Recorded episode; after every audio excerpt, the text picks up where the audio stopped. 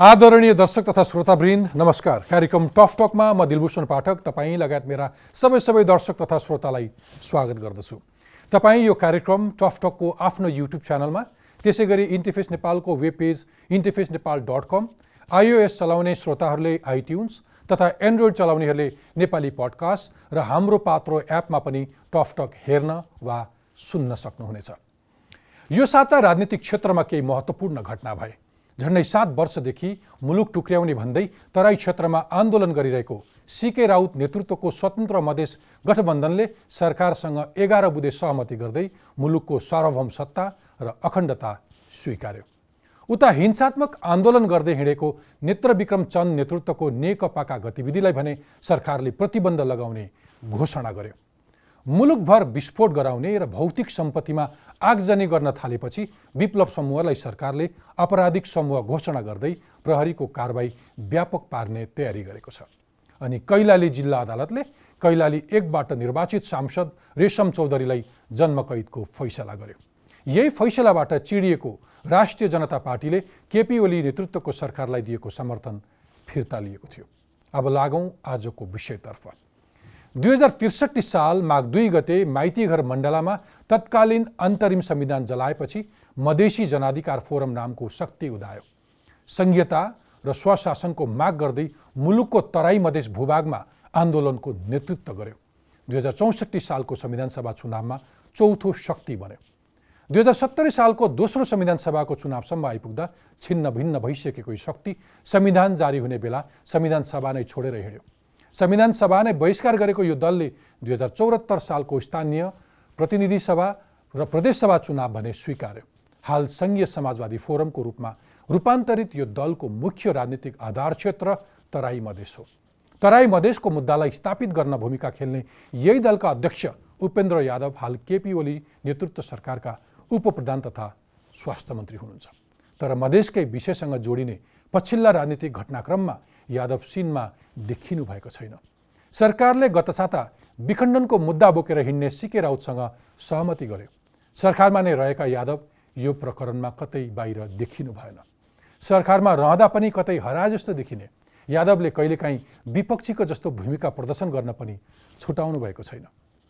आज हामी सङ्घीय समाजवादी फोरम सरकार प्रवेश गर्दा सरकारसँग गरेको सहमति र संविधान संशोधनको मुद्दा सरकारले राउतसँग गरेको सहमति र विप्लवको प्रतिबन्ध सङ्घीय समाजवादी फोरमको दोहोरो चरित्र मन्त्रालय सञ्चालन सङ्घीय समाजवादी फोरमको राजपा पार्टीसँग एकता र मन्त्री परिषद हेरफेरको सम्भावना लगायतका विषयमा कुरा गर्नेछौँ। कुराकानीका लागि आज मसँग हुनुहुन्छ सङ्घीय समाजवादी फोरमका अध्यक्ष एवं उपप्रधान तथा स्वास्थ्य मन्त्री उपेन्द्र यादव। मन्त्रीज्यू टकटकमा स्वागत छ। धन्यवाद। आराम हुनुहुन्छ? केमा व्यस्त हुनुहुन्छ उपप्रधानज्यू आजकल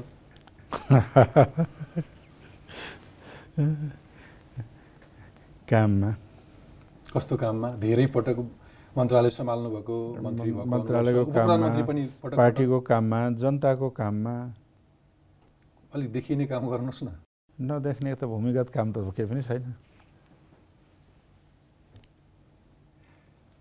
झन्डै एक वर्ष हुन लाग्यो तपाईँ आफैले सरकारमा जाँदाखेरि जे सम्झौता गरेर जे सहमतिका साथ जानुभएको थियो यो एक वर्षको करिब करिब एक वर्षको छाँटकाँट समीक्षा गर्ने बेला भयो अथवा समीक्षा गर्दाखेरि तपाईँ कहाँ हुनुहुन्छ के गर्दै हुनुहुन्छ?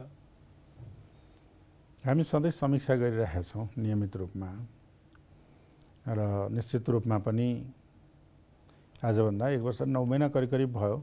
सरकार बनिसकेपछि बजेट पास भइसकेपछि नीति कार्यक्रम पास भइसकेपछि हामी आएका हौँ।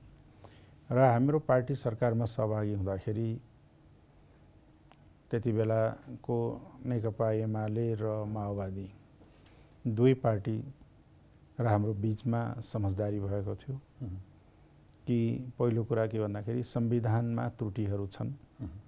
त्यसलाई संशोधनको बाटो सच्याउने। र मधेसी आदिवासी लगायत सीमान्तकी समुदायहरूको जहाँ हक अधिकारका कुराहरू सुनिश्चित हुने। एउटा महत्त्वपूर्ण पाटो त्यो भएको र मुलुकले अरू त अरू त सामान्य कुराहरू छँदैछन्। र त्यो समझदारीका साथमा हामी अगाडि बढ्यौँ। र पहिलो चाहिँ के थियो भन्दाखेरि त्यसपछिको हामीले फेस गरेको पहिलो संसदमा।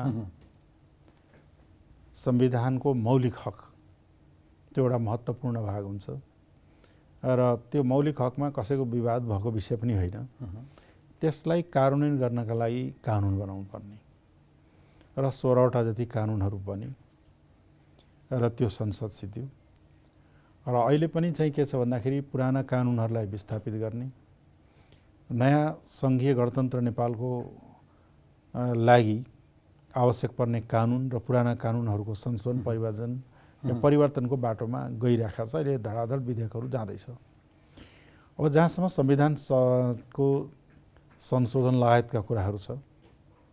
ती संविधान संशोधनका विषयमा प्रधानमन्त्रीजीले पटक पटक अब चाहिँ के छ भने यो कानुनहरूको सकिसकेपछि अब आउने बेलामा संविधान संशोधन गर्नुपर्छ गर्ने भनेर। त्यो चाहिँ कहिले रहेछ? कहिले सकिने रहेछ तपाईँले कानुन बनाइसकेर नि होइन यो यो यो मतलब अहिले जुन चलिरहेछ।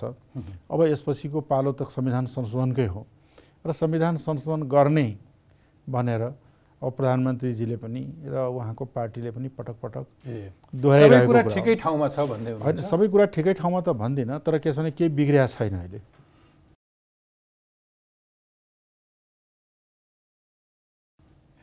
धेरै मान्छेहरूले के भन्छन् भने तपाईँ बरु त्यसो। सत्ता बाहिर आउँदाखेरि जुन किसिमको तपाईँको एक किसिमको सरकारप्रति तपाईँले जुन दबाव सिर्जना गर्न सक्नुहुन्थ्यो अथवा नेपाली राजनीतिमा तपाईँको जुन प्रेजेन्स थियो अथवा पार्टीमा तपाईँको जुन एउटा एफिसियन्सी थियो त्यो चाहिँ अलिकति कमजोर भएर गयो अनि आम जनताको जुन धारणा छ अक्सर राजनीति गर्ने मान्छेहरू सत्तामा साखका लागि मात्रै जान्छन् खासै काम गर्न केही गर्दैनन् भन्ने एउटा आम धारणा चाहिँ सधैँ त्यसलाई सत्य जस्तै बनाइदिनुहुन्छ तपाईँहरू? अब कसले के सोध्छन् सबैका सोच्ने आफ्नो आफ्नो एङ्गलहरू हुन्छ। तर के हो भन्दाखेरि हामी त परिवर्तन संविधान संशोधन कुरा आयो। त्यसपछि केही गरौँ भनेर किनभने अब धेरै लामो सङ्घर्षहरू भए सङ्क्रमणकाल धेरै लामो हो। मुलुकको आर्थिक र सामाजिक चाहिँ रूपान्तरणका कार्यहरू धेरै पछाडि पर्यो। यसलाई पनि अगाडि बढाउनुपर्छ भनेर नि सरकारमा गएको र त्यो प्रयासहरू भइ पनि रहेको छ। अथवा जे सोचेर जानुभएको थियो त्यो सोचे अनुरूप काम अगाडि बढिरहेको सोचेको रूप त सोच्या त धेरै थियो। तर सोचेको अनुरूपमा लिमिटेसन धेरै हुन्छन्। ए।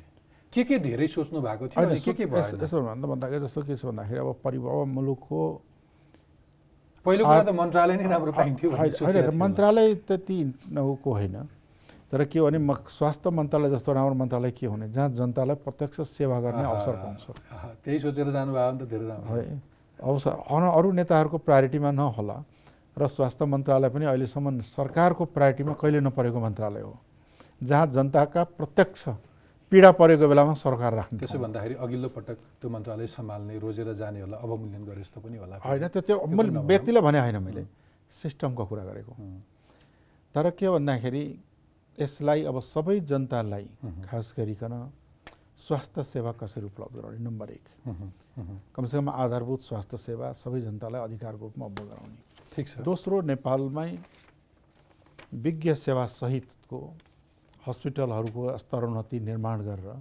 जनतालाई नेपालमै रोगको उपचार गर्ने परिस्थिति र त्यस किसिमको अस्पताल साधन स्रोत र जनशक्तिको व्यवस्थापन अहिले मुख्य चुनौतीको रूपमा रहेको छ र त्यसलाई चाहिँ क्रमशः गर्दै अगाडि लैजानलाई यहाँलाई याद होला कि अहिले हामीले प्रत्येक वार्डमा हस्पिटल होइन त्यसमा म आउँछु त्यसमा म। आउँछु तर तर मूल प्रश्न के हो भने तपाईँ आज तपाईँलाई बोलाउन खोजेको कारणै के हो भने एक किसिमको समीक्षा पनि होस्। तपाईँ आफ्नो आफ्नो आत्मसमीक्षा पनि होस्। तपाईँहरू जे सोचेर सरकारमा जानुभएको थियो अहिले तपाईँहरूको भूमिका सरकारले गरेका सम्पूर्ण निर्णयहरूमा तपाईँको अपनत्व छ त्यसमा त मैले शङ्का गर्नु पर्दैन नि होइन? अब सरकारमा गरेका निर्णयहरू सरकारले लिएका निर्णयहरू र भइरहेका सबै कुराहरू अ, स्वामी त्यसको जिम्मेवारी हामी लिन्छौँ।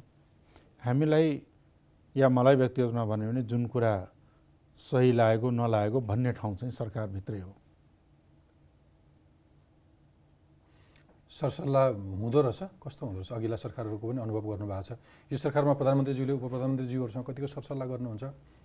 अथवा तपाईँले जाने बुझेका क्षेत्रहरूको विषयमा यसो ज्ञान होइन? भ्या भ्याएका जति। कति भ्याउनुहुन्छ? अब अलिक कमै भ्याउनुहुन्छ तर भ्याएका जतिको त गर्नुहुन्छ। उहाँ उहाँको त्यो भ्याउने कुरालाई चाहिँ तपाईँले सहर्ष स्वीकार्नु भएको छ ठिकै रूपमा भ्याउनु भएको छ? अझ अलिक बढी भ्याउनु भ्याउनुहुन्छ कि पछि आएर? आवश्यकता त्यो छ। अझै बुझ्ने गरी भनिदिनु न। अझै पनि भन्दाखेरि के हो भन्दाखेरि राम्रो कोअर्डिनेसनका साथ जानुपर्ने आवश्यकता छ। सरकारमा रहेका दलहरू राजनीतिक नेतृत्वहरू र अपोजिसन र नागरिक समाज। नागरिक समाज राजनीतिक दलका नेतृत्वहरू र सरकारमा रहेका व्यक्तित्वहरूसँगको बिचमा आवश्यक सहकार्य र चाहिँ के भन्दाखेरि छलफलबाट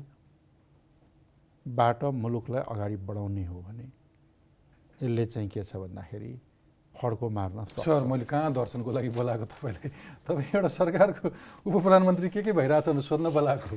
सिधा सिधा भन्नुहोस् अलिक यो-। सरकार के गर्दैछ? जस्तो लोकतन्त्रमा एउटा पार्टीलाई प्रतिबन्ध लगाइरहेको छ यो सरकार। त्यसमा तपाईँको अपनत्व छ? होइन पार्टीलाई प्रतिबन्ध लगाएको छैन। पार्टीले राजनीति गर्न छुट छ तर मान्छे मार्न त छुट त कुनै पनि सरकारले दिँदैन नि। तपाईँहरूले बिर्सिनुभयो?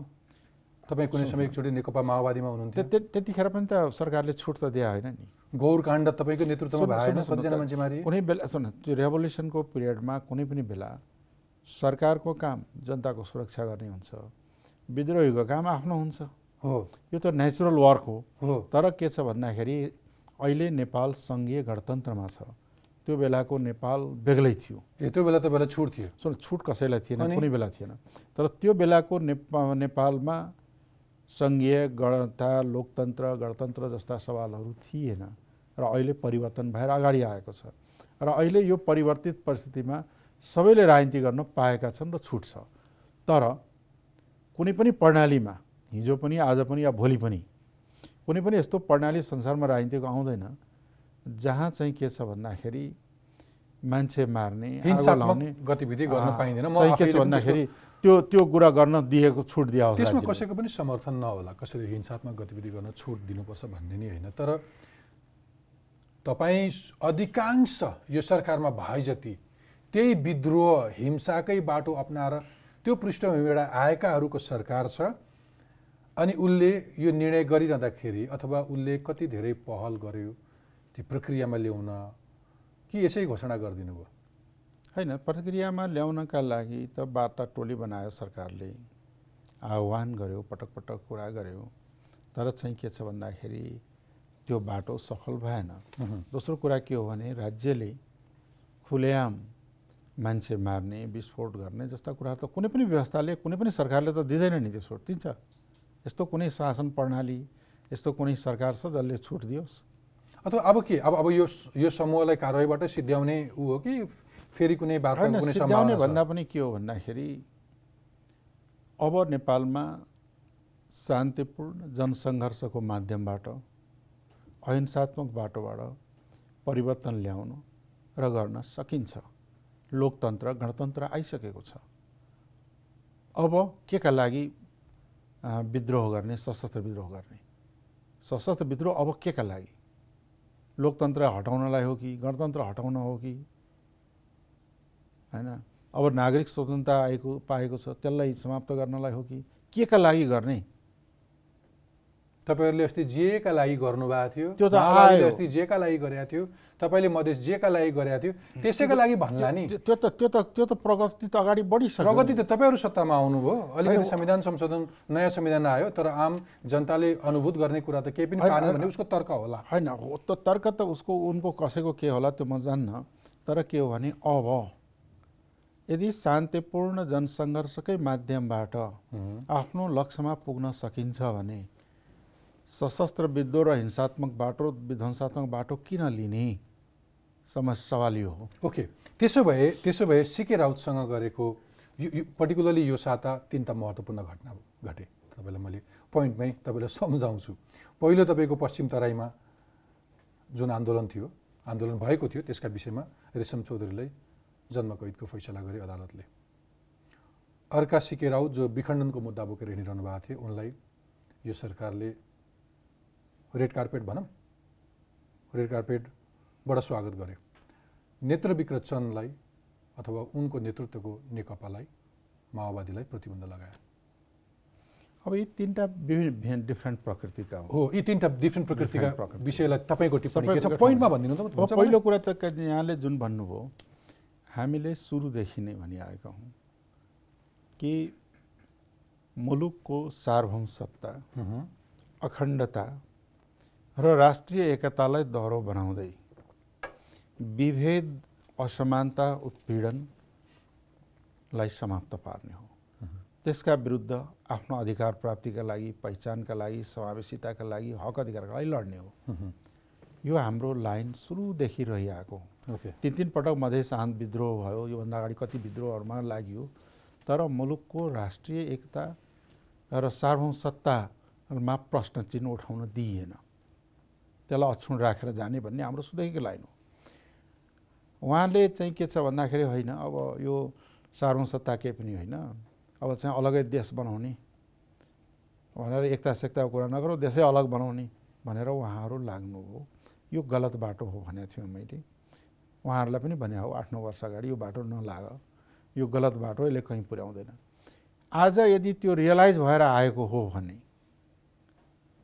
होइन? तपाईँहरू यत्रो राजनीति गर्ने बुझ्नु सुन- सुन, त्यो- रियलाइज भएर आएको कि अरू केही छ? सुन अब रियलाइज गरेर त्यो चाहिँ के छ बाटो गलत हो जुन कुरा त उहाँहरूको एघार बुधेले स्पष्ट पारेको छ। के स्पष्ट पारे? होइन अब यहाँले के छ मुलुकको सार्वभौम सत्तालाई अ, मान्ने भनेर स्पष्ट भइसकेपछि त्यसको विरोधमा नगजाने भनेपछि त त्यो रियलाइज भएर त्यो त्यसलाई रियलाइजै मान्नुपर्छ। भोलि भोलि अलग कुरा हो। धुमधाम तर-।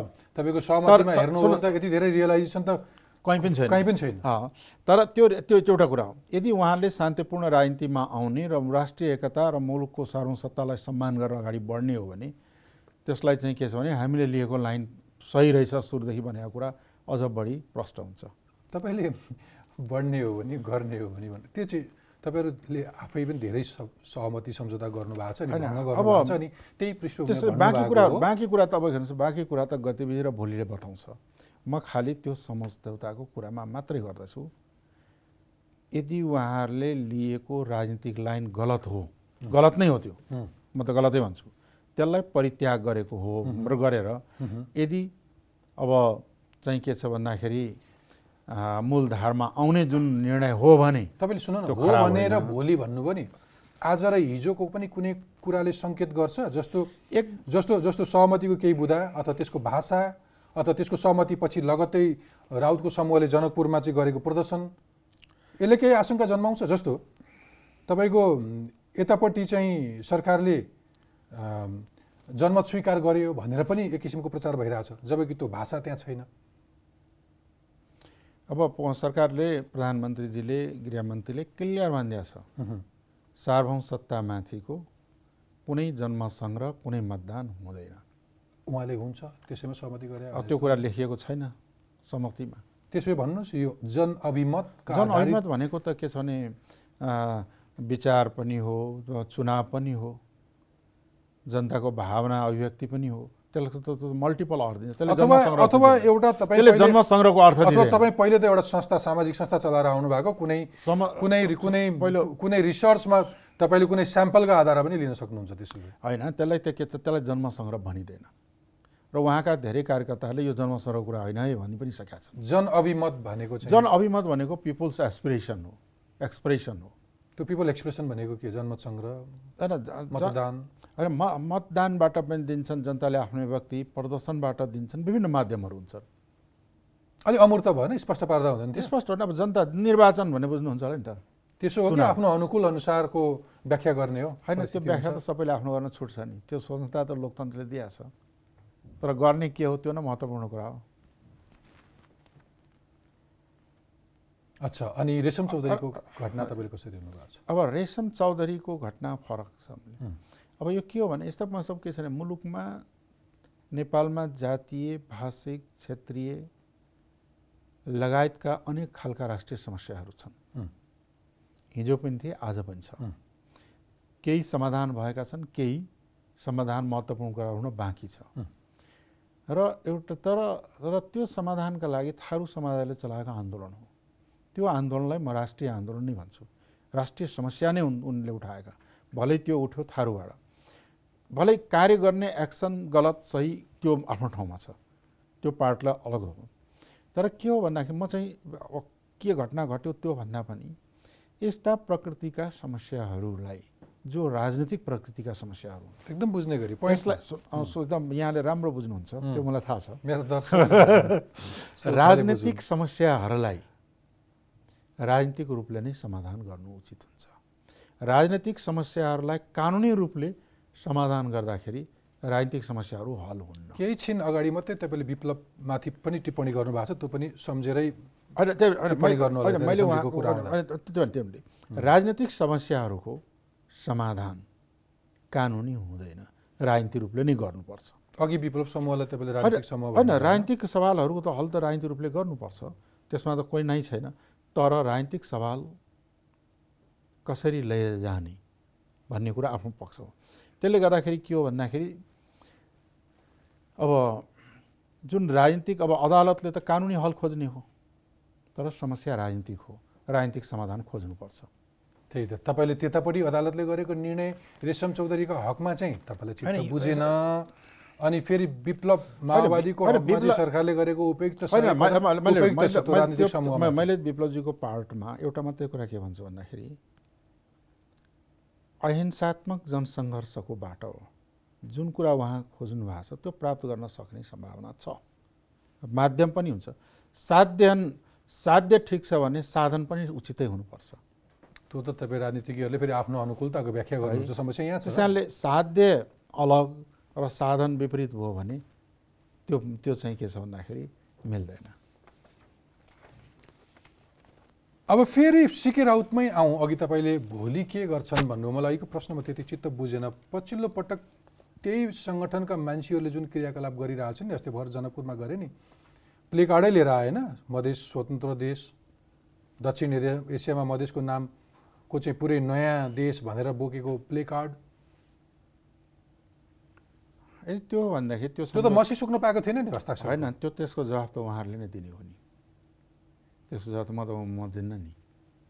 मैले त के होइन तपाईँ त यो सरकारको उप प्रधानमन्त्री तपाईँले ओछ्याएर स्वागत गर्नुभयो सुन्नुहोस् सुन्नुहोस् पहिलो कुरा त के छ भने मैले जोडेको थिएँ। यदि यहाँलाई फेरि म त रोडपिट गर्छु।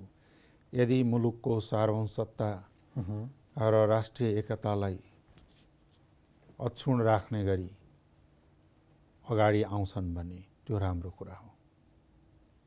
ठिक छ। तर यदि भोलि या पर्सि कसैले मुलुकको राष्ट्रिय सार्वभौमसत्तामाथि नै असर गर्ने चाहिँ र विखण्डनवादलाई नै अगाडि बढाउँछु भनेर आउँछ भने सायद कुनै पनि राज्यले त्यो चाहिँ गर्न छुट दिँदैन मनमा कतिको Clear कुरा हो। मनमा कतिको चिसो पसेको छ तपाईँले त्यही मधेस रिप्रेजेन्ट गर्ने मान्छे यतिका समयसम्म तपाईँले खासै जनतालाई डेलिभर गर्न सक्नु भएन अस्ति तपाईँले जे जे सहमति सम्झौता गरी सरकारमा जानुभयो अथवा पटक पटक सत्तामा पुग्नुभयो तपाईँले खास डेलिभर नगरिँदा त्यहाँका तराई मधेसका मान्छेले फेरि सिके राउतलाई विकल्पका रूपमा लिन। सक्छन् होला अथवा होइन त्यसमा अर्को कुरा पहिलो कुरा त के छ भन्दाखेरि सबैको कुनै कुराको विकल्पमा कोही आउँछन् भनेदेखि त्यो नराम्रो होइन तर लोकतन्त्र आजको लोक गणतन्त्र। आजको सङ्घीय प्रणाली आजको समावेशिता मधेस विद्रोह नभइदिएको भए आउँथ्यो। सबले यसरी नै डम्फु बजाउने। अरे डम्फु त आएको हिस्टोरिकल फ्याक्ट्स हो सबैले। होइन डम्फु भन्ने होइन यो त हिस्टोरिकल फ्याक्ट्स हो नि। त्यो फ्याक्टलाई आफ्नो अनुकूल अनुसारको व्याख्या के भन्ने फ्याक्ट। नेपालमा सङ्घीयता इन्ट्रोड्युस भएको मधेसी जनअधिकार फोरम र नेपाल सरकारको बिचमा सम्झौता भएर हुँ। बाइस हुँदै सम्झौता आठ हुँदै सम्झौताले लोकतन्त्रलाई समावेशी बनायो मुलुकलाई सङ्घीय गणतन्त्र बनायो। त्योभन्दा अगाडि कुनै डकुमेन्टमा फ्याक्ट छ? ठिक छ। भन्दाखेरि यो ठुलो परिवर्तन हो यो त युगान्तकारी परिवर्तन हो नि। त्यो परिवर्तन त फोरम नेपालले मुलुकमा लिएर आएकै हो नि। केही गरेन भन्ने त गलत हो नि। त्यतिले पुग्छ। त्यतिले पुग्दैन पनि यो त स्टार्टिङ हो। त्यसलाई त्यतिले पुग्थ्यो भने तपाईँहरू त्यत्रो पुग्ने पुग्ने कुरा राजनीतिमा ब्लकेट गरे त्यत्रो मधेस आन्दोलनमा त्यो के छ भने आन्दोलन संविधानमा लेखेकै थियो थिएन त्यो त्यो आन्दो त्यो मधेस आन्दोलन पुनः नगरेको भए सायद अहिलेको जतिको संविधान पनि आउनेवाला थिएन। अझकाल उहाँहरू भन्नुहुन्छ नि त्यत्रो मधेसमा आगो बलिरहेको थियो। हामी बाध्य भएर यसो संविधान बनायौँ। नभए त अर्कै बनाउने ठिकै छ भनेको तपाईँलाई सिधा सिधा प्रश्न तपाईँलाई कुनै थ्रेट छैन सिके राउत? होइन मसँग किन म म कसैसँग म मलाई कसैसँग थ्रेट पनि छैन। अँ, कसैलाई म थ्रेट पनि गर्दिनँ। म कसैको नोक्सान पनि गर्दिनँ मलाई पनि कुनै नोक्सान कसैबाट देख्दिनँ। ओके। अब आउँ तपाईँहरूको पछिल्लो पटकको रोलको बारेमा धेरैले चाहिँ पर्टिकुलरली तपाईँको सङ्गठनको अलिकति दोहोरो चरित्र देखियो भनेर विश्लेषण गर्छन्। दुई नम्बर प्रदेशमा तपाईँको तपाईँको पार्टीको नेतृत्वको सरकार छ। ऊ एकातिर फर्किया छ केन्द्रमा तपाईँ यो सरकारको उप प्रधानमन्त्रीज्यू हुनुहुन्छ तपाईँ एकतिर फर्किनु भएको छ। कसरी फर्के? त्यस्तो त छैन त। छैन? कसरी लाग्यो यहाँलाई त्यस्तो? त्यसो भए तपाईँको प्रदेश सरकार दुई नम्बर प्रदेशले केन्द्रतिर फर्केर किन गाली गरिरहन्छ आफ्नो अनुकूल होइन सबै गाली भन्दा पनि प्रधानमन्त्रीज्यूसँग सम्बन्ध राम्रो छैन। पहिला होइन त्यसो होइन, सम्बन्ध राम्रै छ। सबै प्रदेशका सरकारहरू मुख्यमन्त्रीहरूको धेरै पटक मिटिङहरू भएका छन्। हुँ। अन्तर्प्रदेशीय परिषदको बैठक पनि भएका छन्।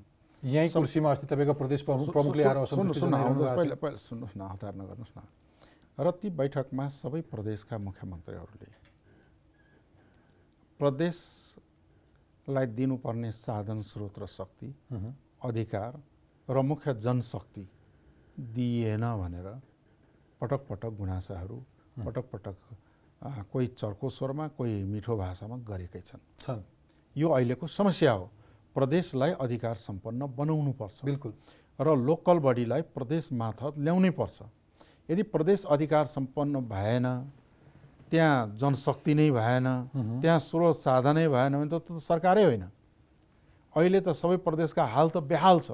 गर्दा भइहाल्थ्यो नि। तपाईँको नेतृत्व सुन्नु- सुन्नुहोस् न। त- अनि गर्दा भइहाल्थ्यो। प्रदेशको नाम राख्दा हुन्थ्यो। प्रदेशको राजधानी तोक्दा हुन्थ्यो। अब- त्यसलाई- यता केन्द्रसँग पङ्गा किन लिइरहनु पङ्गा होइन त्यो।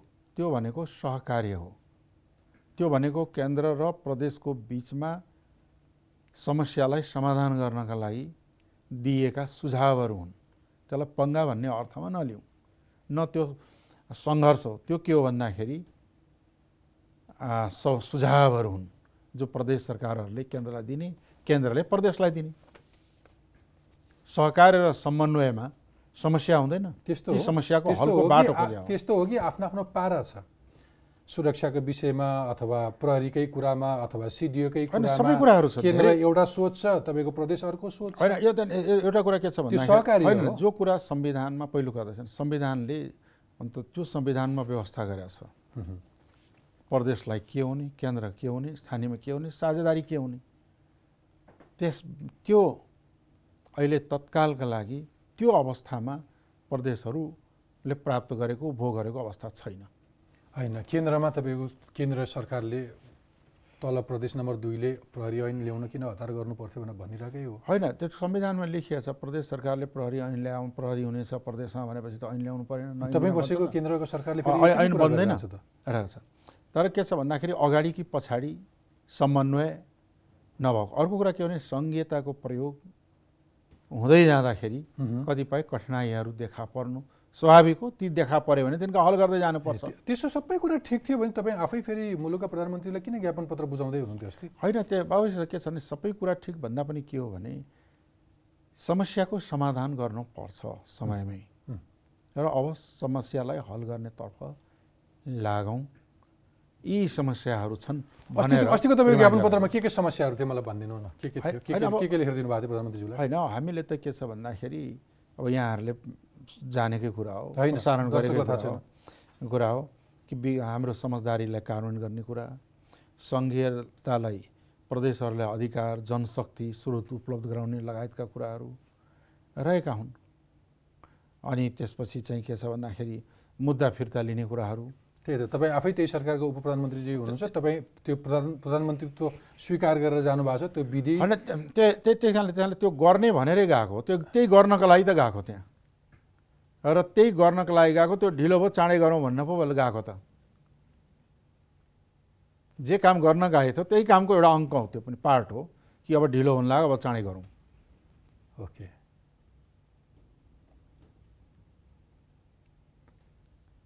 ढिलो मात्रै भएको समन्वय राम्रै भइरहेछ कुराकानी मिलिरहेछ। अब अहिलेसम्म त चल्दैछ भनौँ। कहिलेसम्म चल्छ यस्तो? त्यो त कसलाई थाहा छ र?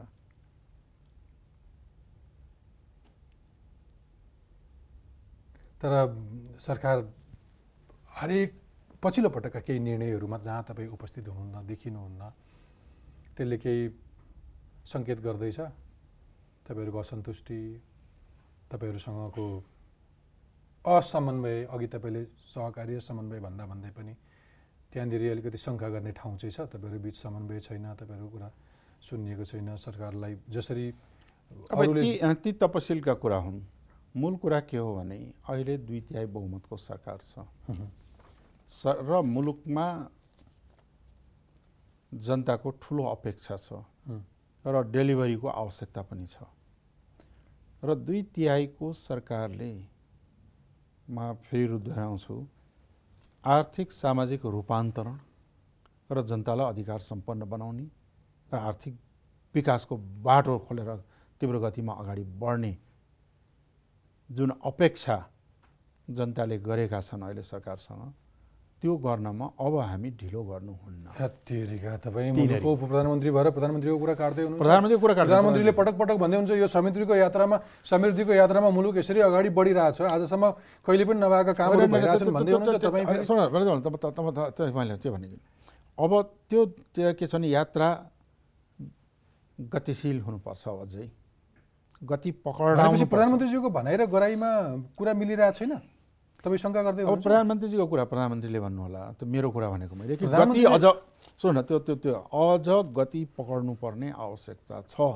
ए, होइन अहिले चाहिँ के छ भने त्यो गतिशील भएर अगाडि बढौँ भन्ने कुरा चाहिँ के हो भने पिपल्सको एसपिरेसन हो। त्यसो हुन तपाईँको सरकारले उही भाषण मात्रै लगाइरहेको छ। खासै गति पक्रिया रहेनछ खासै गति पक्रिया छैन गति पक्रिया छ तर जनअपेक्षा धेरै ठुलो छ। र यसलाई चाहिँ के छ भन्दाखेरि गतिशील बनाउन आवश्यक छ अझ बढी। यति गतिले पुग्दैन। इन्ट्रेस्टिङ त्यसमा तपाईँहरूको भूमिका चाहिँ के रहन्छ नि? उप प्रधानमन्त्रीज्यू हाम्रो भूमिका हाम्रो बल तपाईँको मन्त्रालय कस्तो हाम्रो हाम्रो बल बुत्ता बुद्धि विवेक र शक्तिले भ्याएसम्म हामी कोअपरेसन गर्छौँ। यो यो दस महिनामा तपाईँले यो सरकारमा हामीले फुल्ली कोअपरेसन महिना प्लसमा छौँ। तपाईँले हाम्रो पार्टीले हामीले मैले सरकारलाई प्रधानमन्त्रीजीलाई पूर्ण सहयोग गरेका छौँ। ठिक छ। त्यसै मलाई भनिदिनुहोस् तपाईँ उप प्रधानमन्त्री समेत स्वास्थ्य मन्त्री मात्रै होइन उप प्रधानमन्त्री समेत तेस्रो पटक मन्त्री मन्त्री हुनुभएको होइन? के के भयो स्वास्थ्य मन्त्रालयमा? ठ्याक्कै देखिने कुरा। अब पहिलो कुरा त के हो भन्दाखेरि कुन हस्पिटल सुधार भयो कुन बिरामीलाई राहत भयो कुन नयाँ ठाउँमा स्वास्थ्य चौकी बन्यो यस्तै कुरा त हो नि स्वास्थ्य मन्त्रालय कि अरू भाषणहरू मात्रै हो कागजी कुरा मात्रै हो? अब चाहिँ के छ भन्दाखेरि एउटा कुरा त के हो भने स्वास्थ्य मन्त्रालय बिसौँ वर्षदेखि जकडिएको मन्त्रालय रहेको हरेक मन्त्रीले यहाँहरूले यहाँहरूले अनुभूति गरेको पनि हुनसक्छ। एकदमै। बिस वर्ष अगाडि जहाँ जे थियो अहिले केही सुधार भयो होला केही प्रगति भएका पनि होलान् होइन? होइन। त्यसलाई सुधार गर्ने एकै दिनमा देखिँदैन।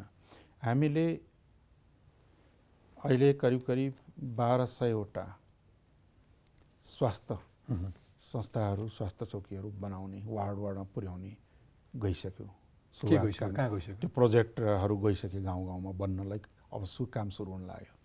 कागजमा गयो पत्र गयो बजेट गयो खन्न थाले के हुन थाल्यो होइन यी सबै कुरा कागजमा। पनि गयो बजेट पनि गयो अब काम सुरु हुन थाल्यो। कहिलेसम्ममा बन्छ अब अब सुरु हुँदैछ अब सुरु हुने बित्तिकै बनिहाल्छ त होइन त्यसको टाइमलाइन त हुन्छ नि। होइन टाइमलाइन भन्दाखेरि के छ भन्दाखेरि यो बन्छ। यति समयमा बन्छ भन्दा टाइमलाइन होइन यति यति यति यति समय स्टार्टमा टाइम लाग्छ।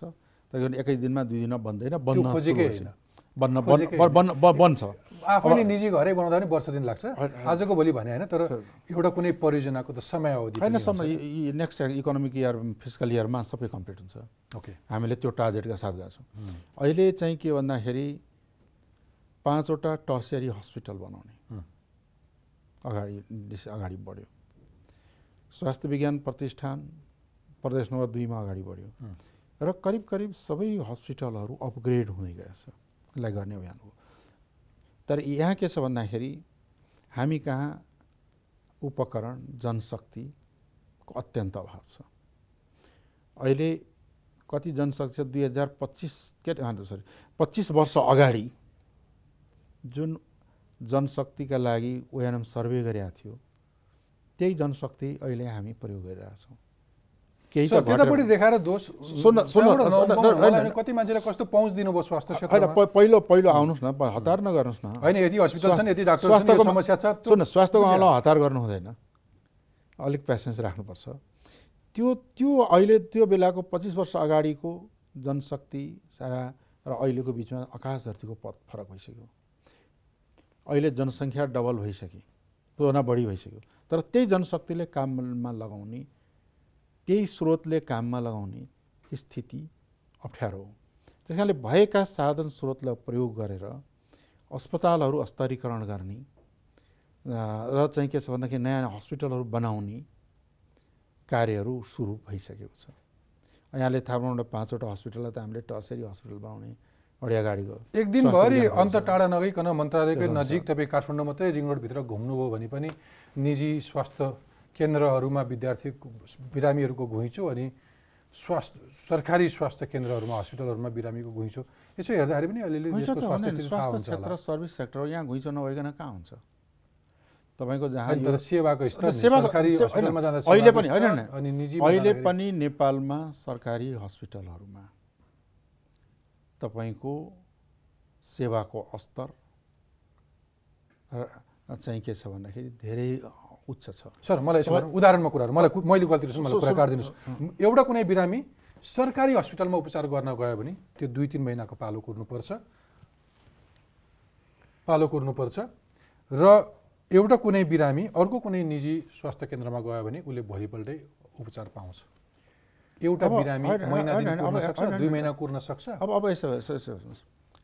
सरकारी हस्पिटल अनि सम्पूर्ण राम्रा चिकित्सकहरू निजी केन्द्रमा हुन्छ। न पहिला त्यस्तो छैन। अहिले पनि राम्रा डाक्टर हामीसँग छ राम्रा इक्विपमेन्ट छ। अब के छ भने उता जान्छन् सुन्नु सेवा दिन। किन अब सम्झाउँछु तपाईँलाई। सबभन्दा के छ भन्दाखेरि अहिले पनि जनताको नाइन्टी पर्सेन्ट पब्लिकले उपचार पाउने भनेको सरकारी स्वास्थ्य केन्द्रमै हो। नाइन्टी पर्सेन्ट जनता अहिले पनि बिमारीहरू स्वा सरकारी हस्पिटलैमा गइरहेछन्। टेन पर्सेन्ट बाहिर जान्छन्। तपाईँको चाहिँ गैर सरकारी क्षेत्रमा। अब जहाँ नाइन्टी पर्सेन्ट पब्लिकको उपचार सस्तो उपचार हुन्छ त्यहाँ भिड त लाग्ने भयो। क्वालिटी कहिले दिनुहुन्छ हो। क्वालिटी छ नि तपाईँलाई अहिले क्वालिटीको खतम भएको छैन अहिले क्वालिटी छ। अहिले पनि भने विदेश जानलाई कसले छुट्छ र? कसैलाई खोकी लाग्यो विदेश गयो भने यहाँको क्वालिटी खतम अहिले पनि के छ भन्दाखेरि किडनी ट्रान्सप्लान्ट हामी कहाँ भइरहेछ लिभर ट्रान्सप्लान्ट भइरहेछ न्युरो सर्जरी भइरहेछ हार्ट सर्जरी भइरहेछ नेपालमा। नेपालमा भन्यो भने अन्तर्राष्ट्रिय स्तरको हार्ट सर्जरी भइरहेछ। किडनी ट्रान्सप्लान्ट अन्तर्राष्ट्रिय स्तरको भइरहेछ। लिभर ट्रान्सप्लान्ट भइरहेको छ।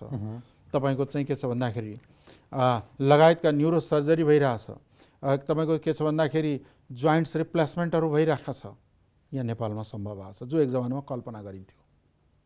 तर ठुलो पपुलेसन सङ्ख्या हुन आउने र चाहिँ सीमित साधन स्रोत भएको ठाउँमा त क्यु त लागिहाल्छ नि। लाग्दैन? मेरो प्रश्न के भने कामले कति क्यु नै लाग्दैन भने कामले कति गति पायो? कति जस्तो तपाईँको चिकित्सा विज्ञान प्रतिष्ठानका पदाधिकारीहरू नियुक्ति गर्न केले रोकेको थियो कति समयदेखि खाली छ? अब अब नियुक्ति हुन्छ। अब अब चाहिँ के छ भन्दाखेरि चाँडै यसै त आजै भोलि प्रधानमन्त्रीज्यूले नियुक्ति गर्नुहुन्छ र त्यो काम अगाडि बढ्छ। यो एक हप्तामा हुन्छ। एक हप्ता होइन एक दुई दिनमै भइहाल्छ। सायद आजै होला कि। गजब। हिसाब मिल्यो भागभन्डा? भागभन्डा हामीलाई चाहिएको छैन। हामीले त सहयोग गर्न आएको। हामीले क्लियरली अब राम्रो मान्छे राम्रो ठाउँमा होस् काम अगाडि बढोस् त्यही हो। त्यही हो हाम्रो भाग। अहिले सचिवसँग राम्रो समन्वय छ? सबै राम्रै छ। हिजो पनि राम्रै थियो आज पनि राम्रै छ। मलाई कहिले पनि कसैसँग झगडा छैन विवाद छैन। तर कामले गति पायो पाएन भन्ने हेर्छु म। ओके। अनि खुसी हुनुहुन्छ? यो मन्त्रालय राम्रोसँग हेरिरहनु भएको छ। कहिलेसम्म हेर्नुहुन्छ यो मन्त्रालय? अहिले फेरि हेरफेरको कुरा पनि आइरहेको छ नि। अब मैले आफ्नो मैले आफ्ना बुद्धि विवेक क्षमताले भ्याएसम्म राम्रो पार्ने प्रयत्नमा लागेको छु। र जनताको सेवा गर्न पाएकोमा खुसी छु। तपाईँ स्वास्थ्य मन्त्रालयमा खुसी हुनुहुन्छ? मैले जनताको सेवा गर्ने अवसर पाएँ भन्ने जस्तो लाग्छ। तर जुन हामीसँग सेवा दिनुपर्ने हो यहाँले अघि भन्न खोजेको कुरा। जुन यहाँले कल्पना गर्नुभएको छ त्यो दिन नसकेकोमा दुःख पनि लाग्छ। होइन धेरै मान्छेले तपाईँ मन्त्रालय साट्न चाहनु हुँदैछ अब हेरफेर हुँदाखेरि पनि भन्छन् नि। मान्छेले भन्न छुट्छ नि। तपाईँले चाहिँ के गर्दै हुनुहुन्छ? अहिले? त्यस विषयमा मैले केही पनि सोचेको छैन। यत्रो जनताको सरोकार भएको विषय स्वास्थ्य मन्त्रालयमै बस्छु भन्ने त्यस्तो होइन अब के छ भन्दाखेरि कोही आजीवन कुनै मन्त्रालयमा बस्छ बस्छन् र। जता सजिलो जता मजा जता सजिलो। भन्दाखेरि के छ भन्दाखेरि गाह्रो काम त गर्दै सजिलो गाह्रो भन्दा जता मजा भनौँ न साख साख भने यसो काम गर्ने लाभ। होइन काम गर्ने मान्छेलाई जता पनि हो राम्रै। काम गर्ने मान्छेका लागि जता पनि राम्रै हो। त्यो त सर्वमान्य सिद्धान्त हो दर्शन भयो। दर्शनको विद्यार्थी म हो नि त। यहाँले दर्शन पढ्नु भएको छैन? मैले त्यस त्यसलाई त्यसैले त्यही भएर चिने मैले दर्शनको शब्द चाहिँ वाक्य चाहिँ। युजली त्यो आम तपाईँ राजनीति गर्ने मान्छेहरूलाई लाग्ने दोष चाहिँ डेडिकेटेडली एउटा कुनै मिनिस्ट्रीमा आफूले चाहेको सेवा गर्न पाउने मन्त्रालय छान्ने भन्दा पनि साखका लागि जान्छन्। अब यो कुरा के हो भने एउटा कुरा यहाँलाई। यहाँलाई स्पष्ट छ। यहाँलाई थाहा होला। मैले मन्त्रालय छानेका थिइनँ। यो मन्त्रालय हेरिदिनुहोस् भन्ने प्रधानमन्त्रीजीको आग्रह मैले स्वीकार गरेको हुँ। ओके। अब उहाँले अर्को कुनै भन्नुभयो भने अर्कोमा पनि सम्भावना। प्रधानमन्त्रीजीको तपाईँहरूको चोइस चाहिँ हुँदैन। त्यहाँ मेरो चाहिँ मेरो अरूको कुरा भन्दिनँ। मेरो चाहिँ चोइस होइन। तर दिएको जिम्मेवारी पुरा गर्ने हो। जाँदा जाँदै केही भन्न चाहनुहुन्छ उपप्रधानमन्त्रीज्यू? अब के केही चाहना राख्नुहुन्छ? होइन अब यहाँले करिब कति कुरा मैले छुटाएको हुनसक्छु अथवा मैले सोद्धा सोध्दै तपाईँले अघि नभनेको कुनै बाँकी छ भने? मैले तिनवटा चाहना खोजे हो नम्बर एक संविधान संशोधन गरेर यसलाई सच्याउने र जनतालाई अधिकार सम्पन्न बनाउने। नम्बर दुई मुलुकको जुन अर्थतन्त्र धराशायी भइरहेको अवस्था छ त्यसलाई सुधार्दै आर्थिक परिवर्तनद्वारा गरिबी र बेरोजगारीको हल गर्ने। तेस्रो कुरा भनेको चाहिँ के हो भन्दाखेरि हामीले सँगसँगै आर्थिक र सामाजिक रूपान्तरण गर्ने। यी दिशामा चाहिँ के छ भने अगाडि बढ्नुपर्ने यो राइट टाइम हो। ओके। त्यतिले पुग्छ। र यतिले पुग्दैन यो एउटा स्टार्टिङ पोइन्ट हो। त्यसपछि अन्य विसङ्गति विकृतिहरू छन् तिनलाई नियन्त्रण गर्ने कुरा छ अन्य कुराहरू अनेक छन्। तर मुख्य कुरा के हो भने जनतालाई अधिकार सम्पन्न बनाउने मुलुकलाई विकसित बनाउने समृद्ध बनाउने। यो दुईवटा अभियान हो मुख्य रूपले। यसलाई अगाडि बढाउने हुन्छ उपप्रधानजी तपाईँको महत्त्वपूर्ण समय र विचारका लागि धेरै धेरै धन्यवाद थ्याङ्क यू